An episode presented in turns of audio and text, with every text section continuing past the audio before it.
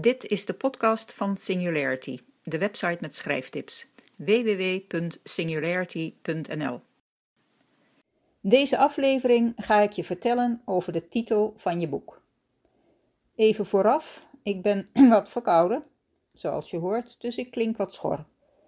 Oké, terug naar de podcast. Als je een bekende schrijver bent, boeit de titel van je nieuwe boek niet echt. Je trouwe fans gaan het toch wel lezen. Maar voor een nog onbekende schrijver kan de titel cruciaal zijn. Net als de cover trouwens, waarover een andere keer meer. Een titel die jouw rondneuzen de potentiële lezer aanspreekt, kan het verschil maken. Maar wat is een goede titel? En hoe kom je eraan? En als je een paar kandidaten hebt bedacht, hoe kies je dan? Ik ga wat opsommen.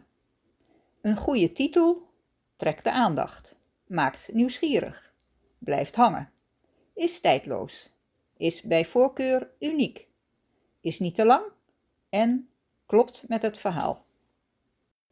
Titels hebben onder andere als doel aandacht te trekken.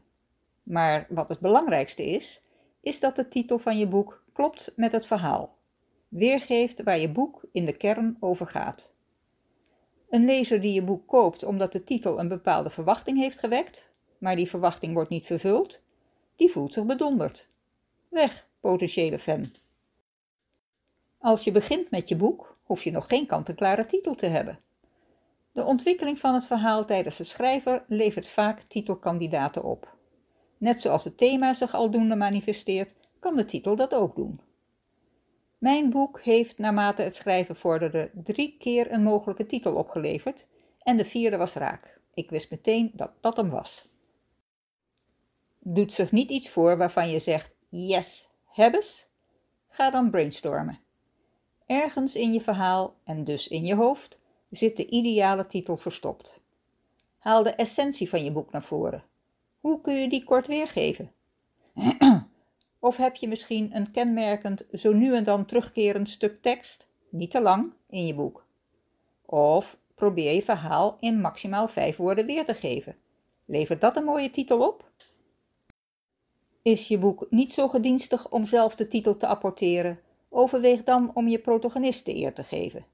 Denk aan boek- en filmtitels als A Fish Called Wanda, Lola Rent, Harry Potter en de Steen der Wijzen of zelfs alleen maar de naam, zoals Stoner.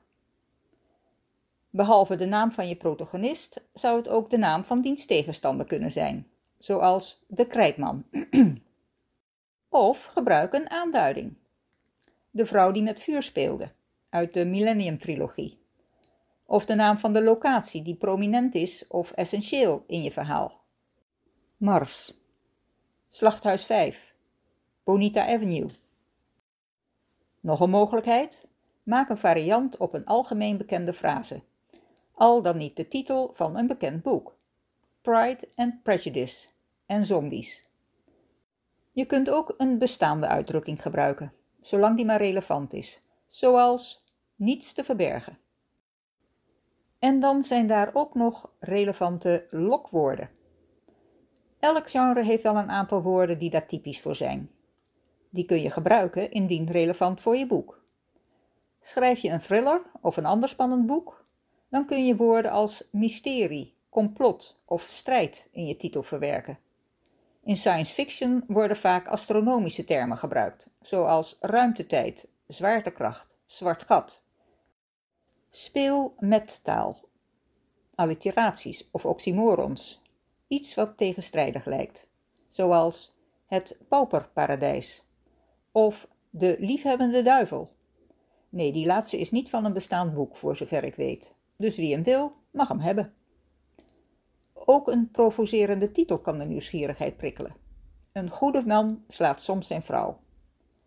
Ter informatie, in het artikel van dit onderwerp heb ik linkjes gezet bij de boeken of films waarvan ik de titels hier heb aangehaald. En daarmee ben ik aan het einde gekomen van deze aflevering. Tot de volgende! Oh ja, vond je het leuk? Heb je er wat aan? Maak me dan blij door het te delen. Dankjewel.